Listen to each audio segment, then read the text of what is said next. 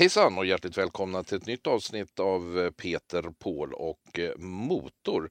Det här programmet ska handla om namn. Namn på banor, namn på kurvor och vi börjar med namn på person. Peter, vet du varför du heter Peter?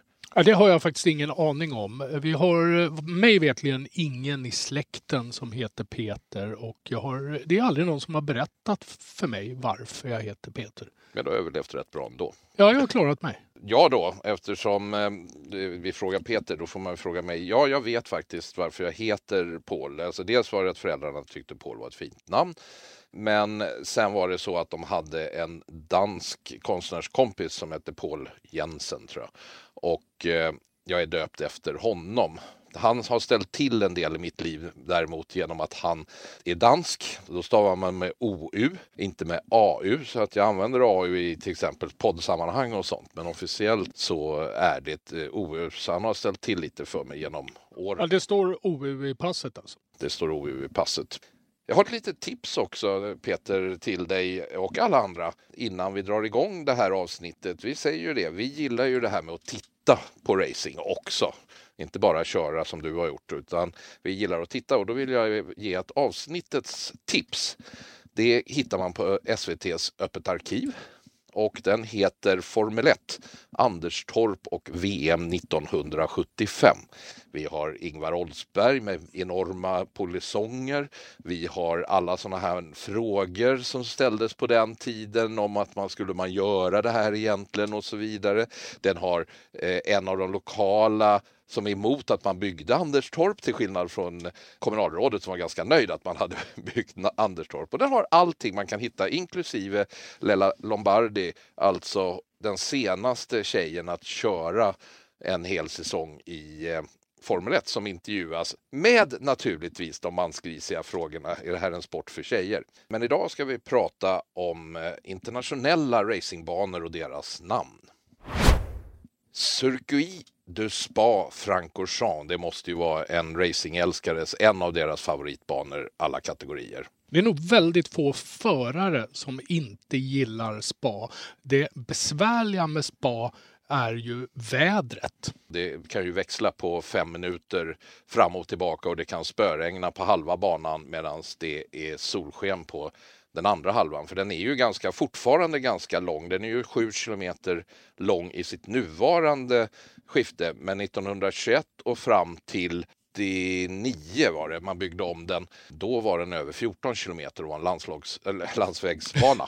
Ja, och eh, det är ju den bana också som har vad jag vet störst höjdskillnader av alla internationella racerbanor. Alltså över 100 meters höjdskillnad. Med högsta punkten uppe för Radion och lägsta punkten nere vid Stavelot. Jag lärde mig faktiskt någonting nytt om första världskriget och det är det att Belgien, det hade jag faktiskt ingen koll på. Jag tycker jag har hyfsad koll på allmän krigshistoria, men jag hade missat att Belgien fick en region efter första världskriget av eh, Tyskland som heter eh, Öpen Malmedi eh, på numera då på lite halvfranska eller Malmedi som sparbanan ligger. Så den ligger inte i det som är Belgiens kärnområde sedan hundra år eller hundratals år tillbaka. Och man började bygga den 1921, första racet 1925.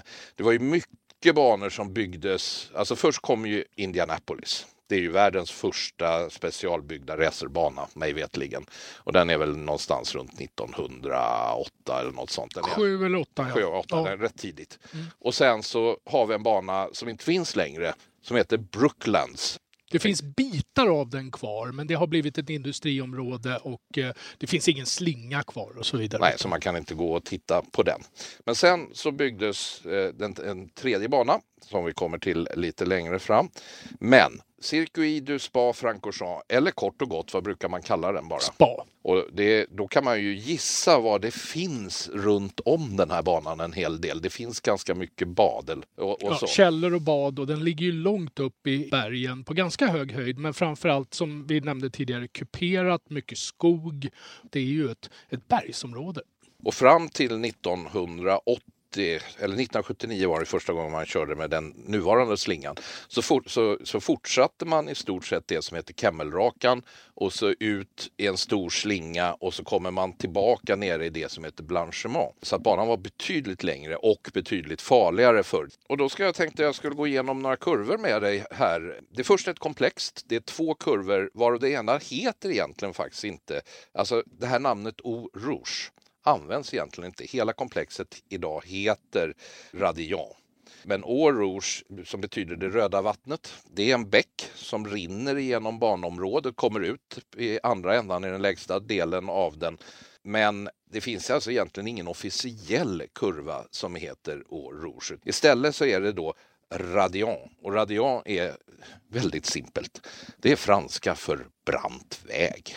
Ja, man kommer ju ner då över Rouge eh, i svackan och där svänger det då ganska tvärt faktiskt, alltså, alltså, för, för den höga farten vänster och sen så bryter man över höger upp för backen och så vänster igen ut då på Kemmelrakan. Och, och helt blint. Och helt blint ja. Och den här biten har de ju både breddat och rätat ut nu för att det har ju hänt en del ganska allvarliga olyckor där. Så kommer man då ut på det som heter Kemmelrakan. Och två teman som återkommer när man eh, kör racerbanorna vi ska gå igenom idag. Den ena är att det är bynamn som ligger runt banan och det andra är att det är förarnamn som antingen har omkommit i den kurvan som de är hedrade i eller har fått, Jack X till exempel har fått en kurva uppe i det som kallas Bryssel uppe eh, i ena hörnet av banan. Och han lever ju i allsköns välmåga och kan berätta om sina äventyr fortfarande. Men så Kemmelrakan då, det är ett bynamn och det är ett berg som heter Kemmelberg där det, det, var ett stort slag under första världskriget. Men det är ingen som vet att man efter kriget bestämde att vi skulle hedra slaget vid Kemmelberg eller någonting sånt där. Och sen så kommer den som, är, som var egentligen en av anledningarna varför jag började rota i det här och det är alltså Lecombe.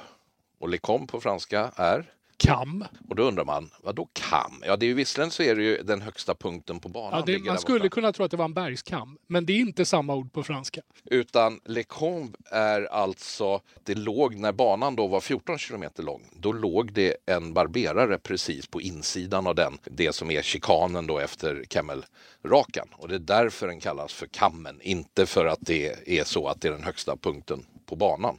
Och sen har vi då den nedre delen, för sen, sen har man ju en ganska intressant del att ta sig ner från väldigt hög höjd. Alltså det går ju, det är brant. Det ser man inte riktigt i tv. Man ser att det är brant i tv, men vi går alltså ner nästan 100 meter. Ja, det är över 100 meter. Över, över 100 ja. meter på bara någon kilometer. Jag tror att det är 104 eller något sånt där ja. officiellt. Och då kommer man ner till den nedersta delen av banan när banan vänder tillbaka in mot eh, stadion igen då och läktarna. Och där hittar man först Stavelon och sen hittar man Blanchiment. Och då, som Blanchiment betyder egentligen ungefär det vita berget. Men det är orter, eller alltså små byar som ligger alldeles i närheten av de kurvorna. Så de har fått sina namn därifrån. Så är det ju då den, nu har vi visserligen tagit oss i mål och så vänder vi oss ut på varvet igen. Vi Men du, du ursäktar, för gamla start och mål låg mellan då La Source, som du nu kommer att nämna, och eh, Radio. Ja, och La Source det betyder på franska, vet du det?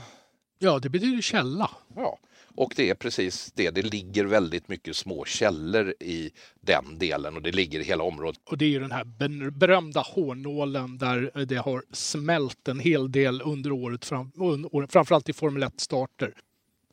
Och eh, redan här, även om det kommer att komma igen senare i den här podden, så är det ju så att eh, vill man se lite från den gamla banan då är det återigen den här filmen som vi har pratat om så många gånger, Grand Prix. Där de alltså har filmat på gamla Spa Francorchamps 13-14 kilometers varianten. En av de absolut mest eh, klassiska banorna i racing är också en av de mest svårkörda banor. Det officiella namnet Circuit de Monaco. Eh, det är en bana som sätter en stor utmaning på föraren och hans kunskap. Eller hennes. Jag ska inte ja, och det är också en av anledningarna till att det är ett sånt där race som alla förare önskar att de ska få vinna någon gång. Framförallt i Formel 1, men eh, var de än kör. Ja, en seger på Monaco, en seger på Monaco. Flest Ayrton Senna, fem stycken, eller sex stycken och eh, Graham Hill med fem segrar. Men det är inte det vi ska prata om utan nu ska vi prata lite om den här banan. Den är om man, alltså, banan är ju inte byggd, det är en gatbana, men den är byggd 1929. Det var då man körde första racet. Och banan täcker nästan hela Monaco. Det är inte mycket, alltså Monaco är ju bara några kvadratkilometer. Två så, tror jag. Ja, 2,2 mm. eller någonting sådär. Så du får i stort sett in banan. Så det, det, går inte att bygga ut den och göra den fem kilometer lång eller någonting sånt. Då kommer man in i Frankrike och det är ju inte poäng. Det skulle säkert få göra det, men det är ju inte poängen med den. Men den som är byggd 1929 och följer vägnätet i Monte Carlo. Alla förändringar som är, det är fem större förändringar som har gjorts genom tiderna och det följer liksom när man ändrar vägnätet i stan så har man varit tvungen att ändra. Den största förändringen är ju det som heter Pichin alltså pool eller bassäng, när man byggde bassängen nere i hamnen. För då fick man bygga om hela den delen av banan som egentligen var bara en lång, lång kurva bort till det som heter Raskas sen. Men Pessin var, det är den största ombyggnaden man har gjort av Monaco. Första kurvan in och det är här man har sin chans i starten att ska du ta en placering så är det där. Och den heter ju Saint Devot. Vet du varför den heter Saint Devot? Ja, det har jag fått reda på idag faktiskt. Eftersom ja, du var vänlig nog att skriva det i ditt eh, dokument som du gjorde inför den här. Och det är att det är Monacos skyddshelgon. Men det hade jag ingen aning om. Jag visste att det låg ett kapell där. Mm. Men, men eh, varför eh, att det var just Monacos eget skyddshelgon, det visste jag inte. Nej, och sen så åker man ju upp och vi flyttar oss igenom hela förbi kasinot och så ner till dem, det som heter Mirabeau som faktiskt är två kurvor med en kurva emellan egentligen. För det finns alltså Mirabeau Hot, hög, och Mirabeau Bass som är låg. Så att egentligen är det två kurvor med en kurva emellan. Men slarvigt så brukar man ju bara kalla alltihopa för Mirabeau. Anledningen att den heter Mirabeau, den har, den har ibland sagts Lövkurvan också för att det, det, är lite, alltså det ursprungliga hotellet som låg när, som precis när de går in i, i Hårnålen. Det hette Mirabeau ursprungligen. Sen har det hetat Löv och så nu heter det någonting annat. Men Mirabeau är alltså namnet på hotellet som låg där när man började tävla. Ja, och där är det ju så då att högerkurvorna, den övre och den lägre, den har de ju inte bytt namn på. Men själva hårnålsbiten, den här eh, nyckelhålshårnålen i mitten, den, den ändrar namn efter hotellet. Så jag tror att den heter Grand Hotel nu. Det stämmer bra det, för det är vad hotellet eh, heter. Men sen så går man ju igenom tunneln och sen så kommer man till någonting som heter novellchikan. Och det, novell betyder ju ny. Och det innebär att det måste ha funnits en chikan någon annanstans innan. Och det fanns det. För att chikanerna fram till att man byggde Novell chikan, nu missade jag att skriva upp året på det, men innan det så hade man alltså en chikan nere i hamnen som heter alltså Chican du Port. Och den har flyttat sig lite genom åren så den har inte legat på samma ställe jämt utan den har flyttat sig lite grann och därför så heter då chikanen som är det andra stället där om man är modig eller dum nog så kan man attackera in i den chikanen. Ja, och eh, det var ju också när Novell chikan infördes så var det bara en chikan så att säga. Det var vänster-höger. Nu är det ju vänster-höger och så tillbaka höger-vänster.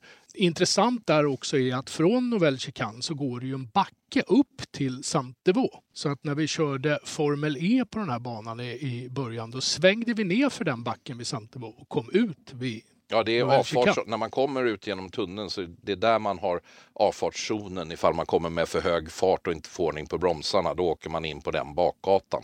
Exakt. Men nu kör ju Formel E då samma bana minus någon meter. Men eh, i stort sett exakt samma bana som Formel 1-bilarna. Vilket är lite roligt för att jämföra vad står elbilsracingen idag jämfört med eh, Formel 1.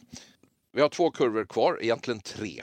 Men eh, den, den sista kurvan, det är alltså den här sista lilla knycken innan du går ut på, ja, man ska inte kalla det målraka för det är ju en målkurva snarare, den är inte rak.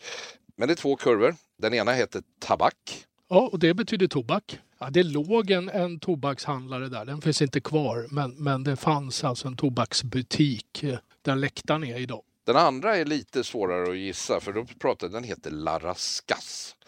Och Laraskas betyder skorpionfisk. Så vad har en skorpionfisk med att göra med en hårnål i Monaco, Peter? Ja, det visste jag inte. Jag vet ju att det ligger ett café där numera som man rundar. Men nej, skorpionfisken fick jag inte ihop.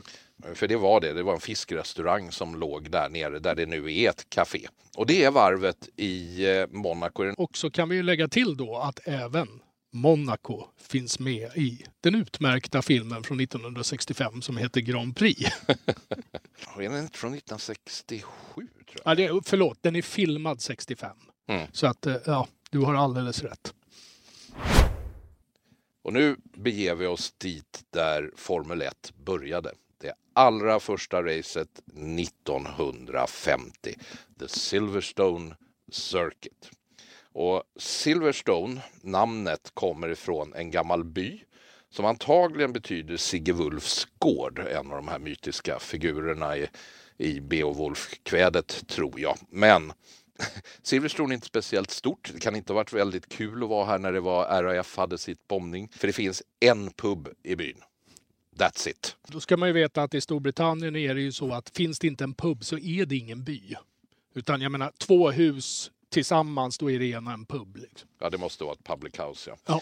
By byggdes officiellt 1947. RAF lämnade efter kriget. Man hade ju Lancaster-bombare som lämnade här för att bomba i, i, Europa.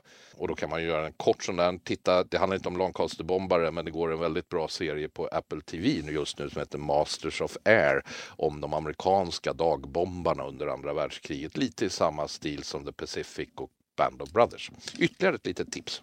Och där kan jag då också lägga till att nio av tio banor i England är gamla flygfält. Eh, man passade på att så att säga återanvända de här anläggningarna till racing då efter kriget. Man lämnade som sagt 46 och sen började folk då som du sa, de började tävla. Inte så officiellt men RAC då, Royal Automobile Club som är, är ju den eh, ni eh, som är lite äldre kommer ju alltid ihåg RAC-rallyt var ju ett av de här rallyna som man skulle vinna på i, i rally-VM. Man hyrde banan från 1948 och första Formel 1-loppet eh, Alltså det första officiella VM-loppet ska jag säga. Jag tror man körde en Formel 1 Spec 49 också. Men det första officiella VM-loppet kördes där 1950. Och den är ombyggd nio gånger. Senast är ju en av de absolut största ombyggnaderna man gjorde när man tog bort hela den här sträckningen mellan det som kallas Abbey och Brooklands och gjorde istället då ett antal kurvor nästan över till den andra sidan av banan och sen tillbaka eh, igen. Det är den senaste stora och då flyttade man ju starten också. Ja, man eh, flyttade den från den nationella depån som det gamla depåområdet heter till det internationella depån som ligger direkt då efter Club. Och då ska vi ta några, för de här namnen är ju lite intressant. Abbey. Abbey, där, det betyder ju kloster. Det, det var helt enkelt så att eh, på tidigt 1100-tal till sent 1400-tal, så alldeles bakom den kurvan så ligger byn Laffield som är en av de andra kurvorna som vi inte behöver gå igenom då, låg alldeles bakom där. Så därför heter Abbey Abbey. Och Laffield då är byn som ligger alldeles bredvid. Det är ju det här återkommer. Och sen har vi Brooklands då och det har ju Peter redan pratat om att, att det är den första permanenta racingbanan i Storbritannien. Och eh, en klassisk, den försvann väl till andra kriget eller efter andra kriget någon gång. Ja, ganska tidigt i alla fall. Ja, den var, för den var farlig redan Ja, det var alla banor då, men ja. den var riktigt farlig även på 30-talet. Så att ja, säga. det var ju en oval med ganska kraftig banking och, och eh, lite droppformad oval skulle jag säga med startraka inuti. Och så efter då den gamla startrakan, alltså där vid, vid den nationella depån, så finns det en kurva som heter COPS. Och COPS betyder skogsdunge. Och det ligger två skogsdungar precis bakom utanför banområdet. Så att eh, den är döpt för de två skogsdungarna som ligger bakom den kurvan. Och sen har vi ju då ett av de mest berömda kombinationerna i eh, Formel 1 och en av de häftigaste också, Maggots. Eh, det inte, betyder inte maskar i det här fallet, eller det kan det göra, men den är döpt. Det ligger alldeles i närheten finns någonting som heter Maggots Moor som är en, en, en hed alltså. Mm. Och den heter Maggots. Och sen har man Beckets and Chapel. Ja, de hänger ju ihop de. Ja, de tre är ju, de är ju en kombination och en av de häftigaste eftersom du du kan nästan köra fullt där. Det är... Ja, men Formel 1-bil har du väl en ingångshastighet då med 250 ungefär? Det är ganska bra. men, och då, då blir det lite brittisk historia för Beckets och Chapel. Beckett är Sankt Thomas av Becket. Han var ärkebiskop i Canterbury och dödades och då byggde man ett medeltida kapell där. Så att Becket kommer från Sankt Thomas av Becket och Chapel kommer för att det var ett chapel, ett kapell som låg där. Det rev man under kriget, så det var borta när man började bygga racerbanan redan. Och sen har man Stowe. Och Stowe är inte något svårare än så att det finns en skola som heter Stowe School. Och där har jag inte då gått vidare och tagit reda varför hette skolan Stowe School. Och Club är en hyllning som är sista kurvan innan du kommer ut på målrakan i den internationella sträckningen. Club är eh, RACs klubbhus vid Paul Mall i London. Det är en hyllning till deras klubbhus helt enkelt för att det är ju de som i stort sett har sett till att, att Silverstone finns och att den används. Vill ni få tag på oss, eh, då kan ni skriva till Peter Paul och motor i ett ord at gmail.com. Nästa bana kan ju kallas racingens katedral för framför alla andra, eller fartkatedral, nämligen Autodromo Nazionale di Monza. Byggd 1922 och är den, är den tredje äldsta banan i världen räknas den som. Det som var i början var dock att eh, det var en blandning av grus och asfalt. Men man, man höll Italiens Grand Prix här 1922 och banan, det som är mest fascinerande är ju att den ser i stort sett exakt likadan ut idag. Det är inte stora förändringar som har skett. Nej, den största förändringen den gjorde man ju då på 40-50-talet. Det var ju att man la till den här bankade ovalen, att man byggde upp den i betong. Och eh, då blev ju banan plötsligt en hel mil lång, 10 kilometer.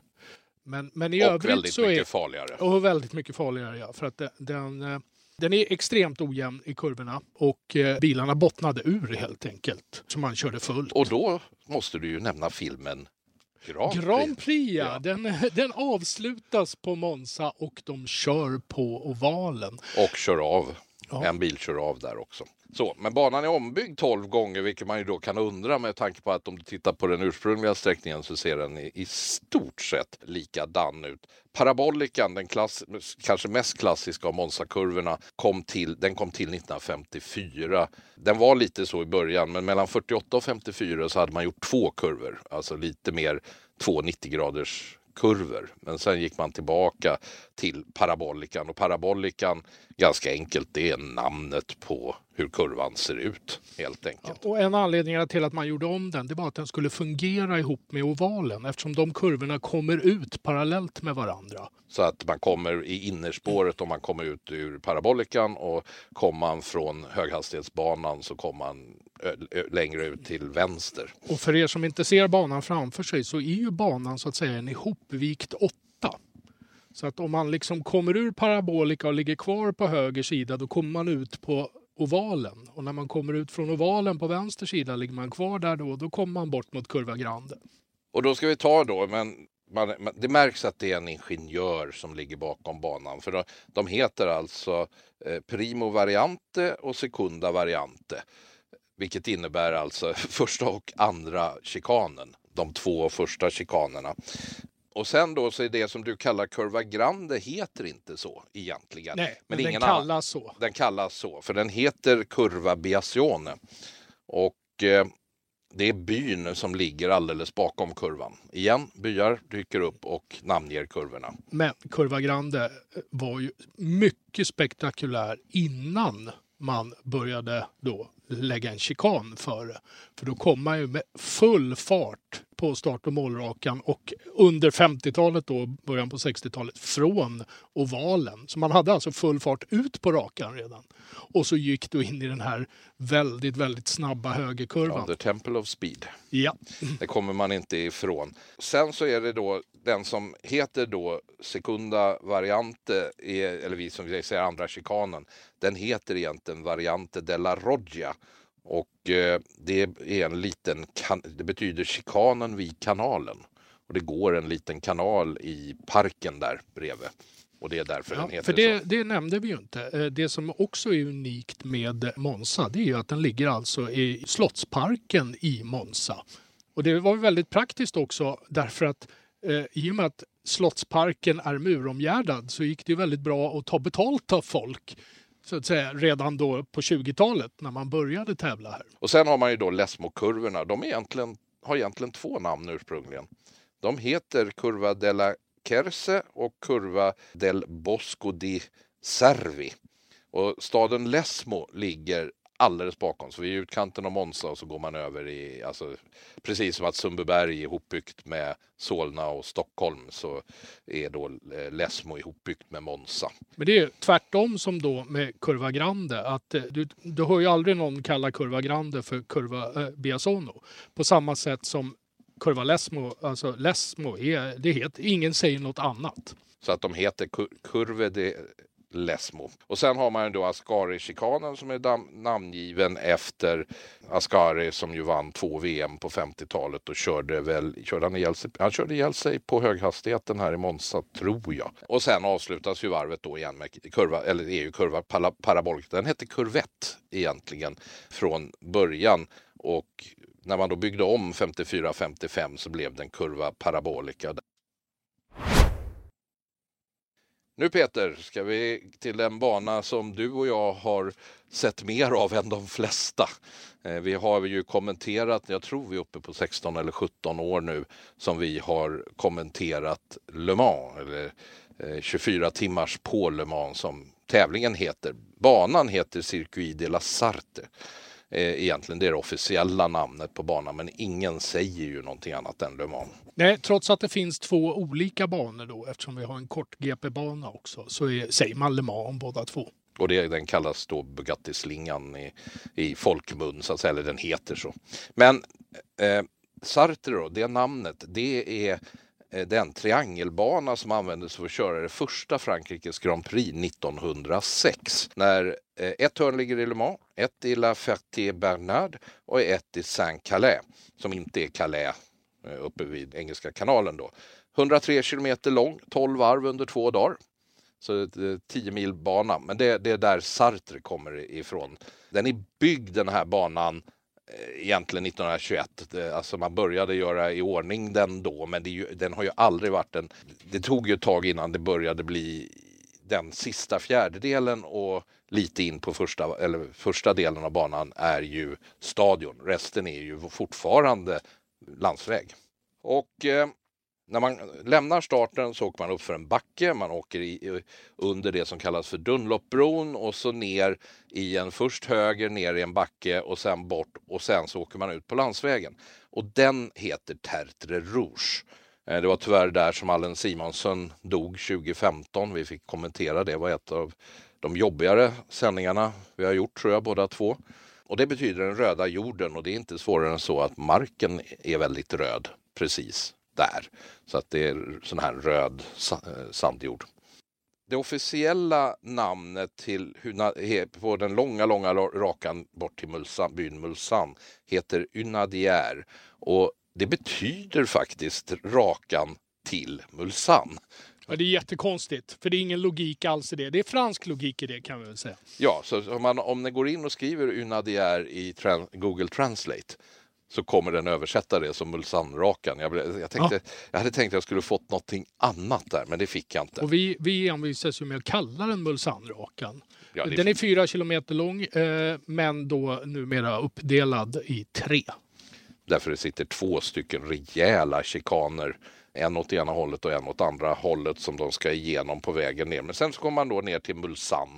Och sen är det så att Eh, Eh, sen kommer man ner till en kombination där första kurvan heter Indianapolis och den andra heter Arnage. Och Arnage är byn där, som ligger bakom den kurvan. Och det är också där man börjat sakta men säkert alltså bygga, bygga racerbana in mot slutet. Det som senare har blivit Porsche-kurvorna, Ford-kurvorna och, och en hel del annat. Men det, det börjar i Arnage. Men Indianapolis är den första och det är inte en hyllning till Indianapolis Raceway. Nej, inte direkt. Inte direkt.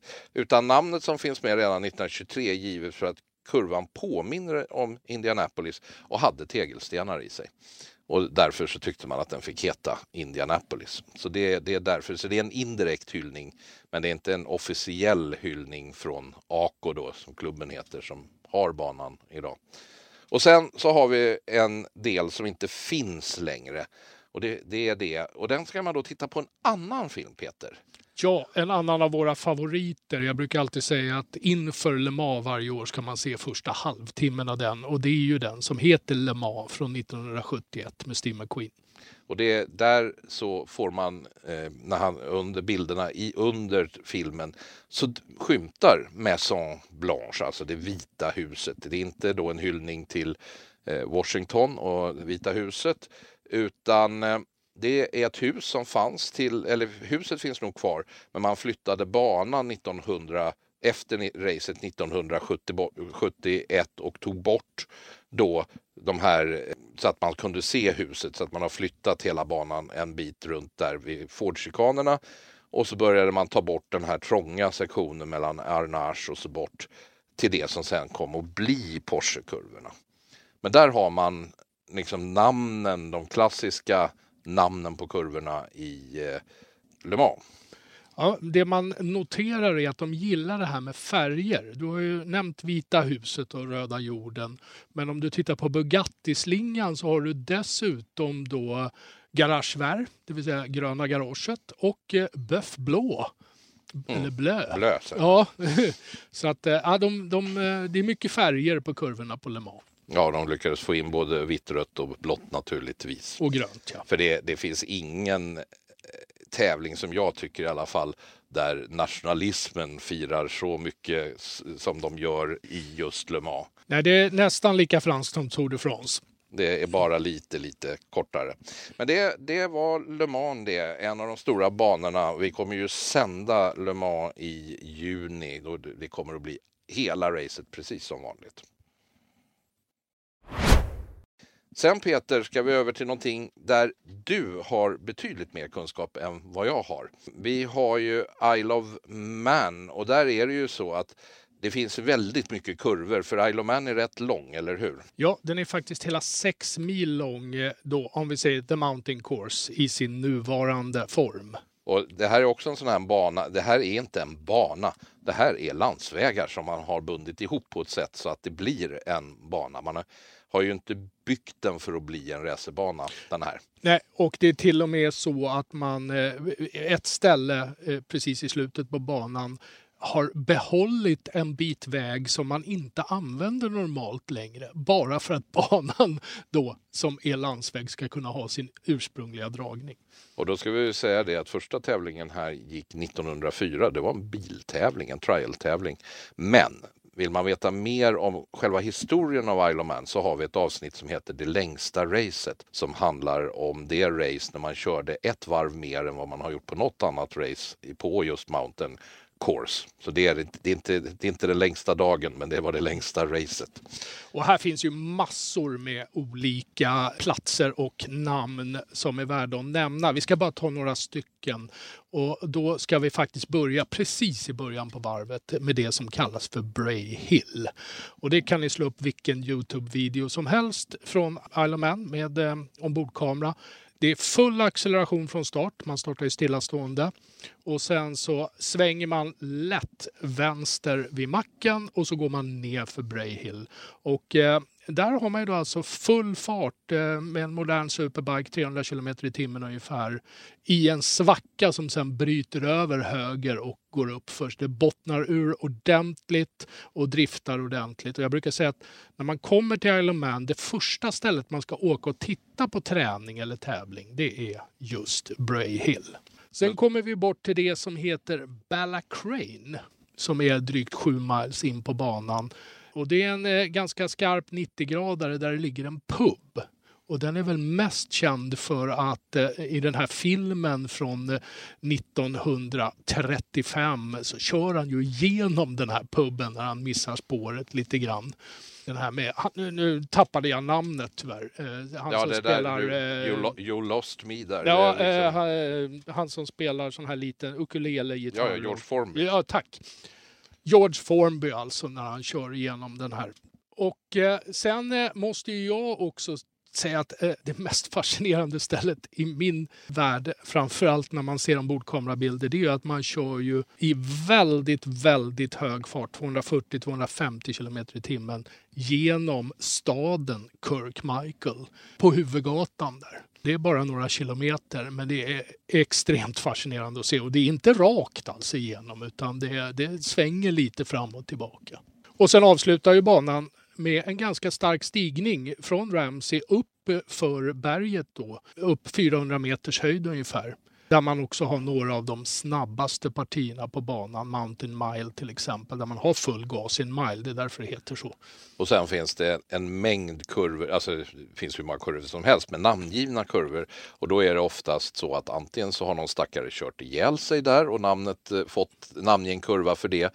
Eller så har man ju hyllat eh, en del av de riktigt stora som Jeff Duke och de andra har ju fått egna kurvor runt banan. Och sen har man ju de här som heter, för det man har ju kilometerposteringar eller alltså avståndsposteringar och där finns det också kurvnamn som används. Beroende på hur man räknar så har ju banan eh, någonstans mellan 250 270 kurvor.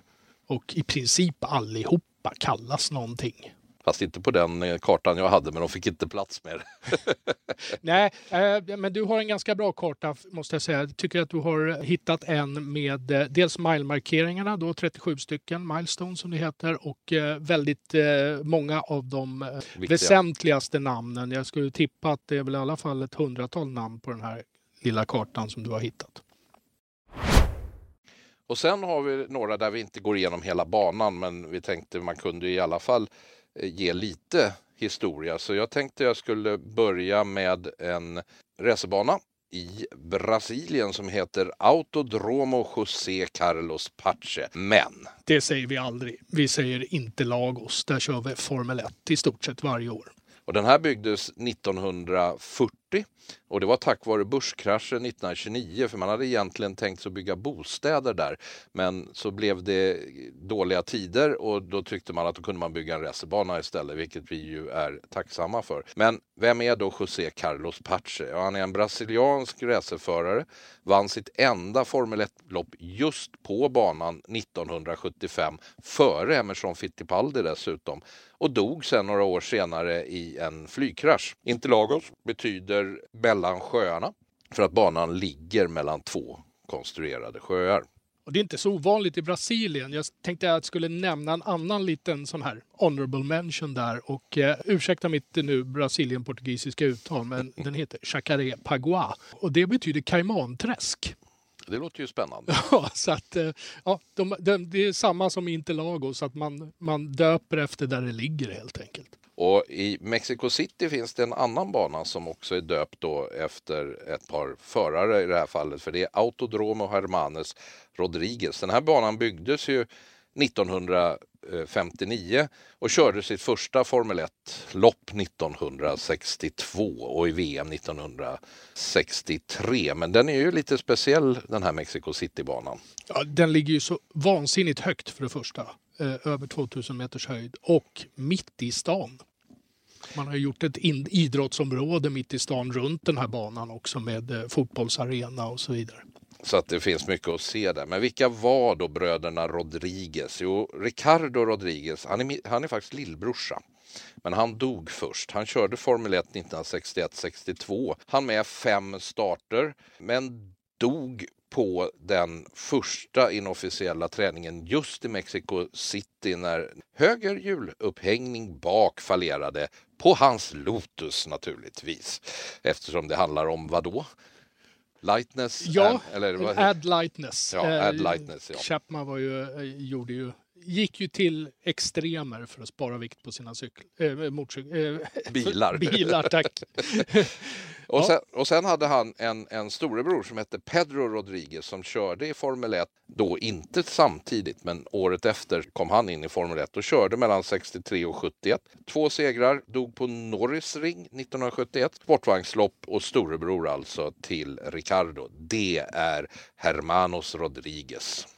Ja, Norrisring är ju en gatbana i Tyskland. Som är en utmaning, ja. Sen hade du Sandfort med på eh, listan. Ja, för att det där är en sån där som folk tror att det betyder liksom typ sandslott eller, eller fort eller någonting sånt. Men eh, det betyder faktiskt sandkorsning. Alltså man ligger ju alldeles vid Nordsjökusten och det, man minns alltså, jag kommer ihåg när, när Ronnie Pettersson brann, han klagade alltid på att det bara, det bara blåste in sand på banan hela tiden. Så det fanns inget grepp någonstans. Nej, normalt sett så blir en bana bättre och bättre under en racehelg. Man lägger gummi och damm och, och, sand och sånt försvinner från banan. Men här kom det in ny hela tiden. Ja, så det har alltid varit en utmaning. Men det finns ju en kurva som har liksom lite udda namn och det är Tarzan-kurvan.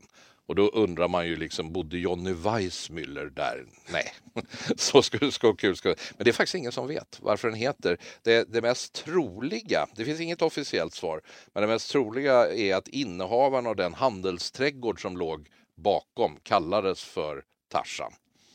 Så att eh, vi får köra på det. Men det, det finns inget officiellt. Jag tittade runt en stund för att försöka se om liksom, klubben själv hade någonting varför den hette så, men de hade inte heller någon förklaring varför den heter Tarzan-kurvan. Men sen tänkte jag vi skulle avsluta med två stycken, alltså vi ska prata om Jerez och Jerez har man kört Formel 1 på också, så det är en bilbana, men Jerez och Valencia som vi har, de är ju, används mycket mer när det gäller motorcykel. Så att vi börjar, ja, ja, och då kan man ju säga att Jerez den inleder Europasäsongen i MotoGP och Valencia avslutar MotoGP-säsongen. Och Jerez är ganska ganska ny. Den byggdes 1985 så den är alltså inte ens 40 år än, vilket inte så mycket med tanke på de banorna vi redan har pratat om. Men den heter officiellt Circuito de Jerez Angel Nieto. Och eh, Angel Nieto eh, anses vara en av de stora mästarna på väldigt små motorcyklar. Han eh, vann 90 Grand Prix-tävlingar totalt. 13 VM-titlar i 50 cc och 125, alltså moppe och 125, inte moppe. Man säger inte moped, nej. utan det är 50 nej, kubiks 50, motorcyklar. 50 kubiks motorcyklar, det är en helt annan mm. sak. Men han hade 13 VM-titlar i den, och, men han, han hade någonting som hette triskaidrefobia vilket innebär att man är rädd för talet 13. Så han sa alltid att han hade 12 plus 1 VM-titlar. Men den är namngiven efter då en av de stora spanska motorcykelförarna. Som tyvärr ska jag säga, men också man blir förvånad när man hör sånt. Han körde ihjäl sig i 70 års ålder på en fyrhjuling utan hjälm. Man trodde att en 12 plus 1-faldig världsmästare skulle veta, veta, bättre, men han kraschade och dog. Ja, för ja, runda slänga fem år sedan kanske. Och sen den sista är då Valencia och den heter Circuito Ricardo Tormo. Han har vunnit två VM i 50 kubik. Han har 19 segrar totalt, dog av leukemi som 46-åring. Eh, så han, men han hann igenom hela sin karriär i, i liv och sen så dog han. Så båda de här har dött efter sina karriärer, men är hyllade på de här spanska banorna. Och det där var allt vi hade att eh, bjuda på i det här avsnittet av eh, Peter, Paul och eh, Motor. Ni får gärna skicka in förslag. Nu har jag inte namnet men det var en som mejlade oss här för ett litet tag sedan och ville höra om motocross. Speciellt de här åren runt Karlqvist och de andra när Sverige var riktigt starka i motocross. Så det får väl bli någonting vi återkommer. Ja, då får vi nästan ta in en ja, expert. För varken du eller jag, jag har sett Karla live och sådär. Men, men jag har inte kunskapen Nej, du är mera, som Du behövs. är mera banracing än, ja. än, än, motocross. Men så att eh, ja, vi tar åt oss det. Någon gång här så kommer det där att komma i alla fall. Med det så säger vi eh, tack för den här gången. Hoppas vi hörs snart igen. Tills dess, ha det så bra. Hej då!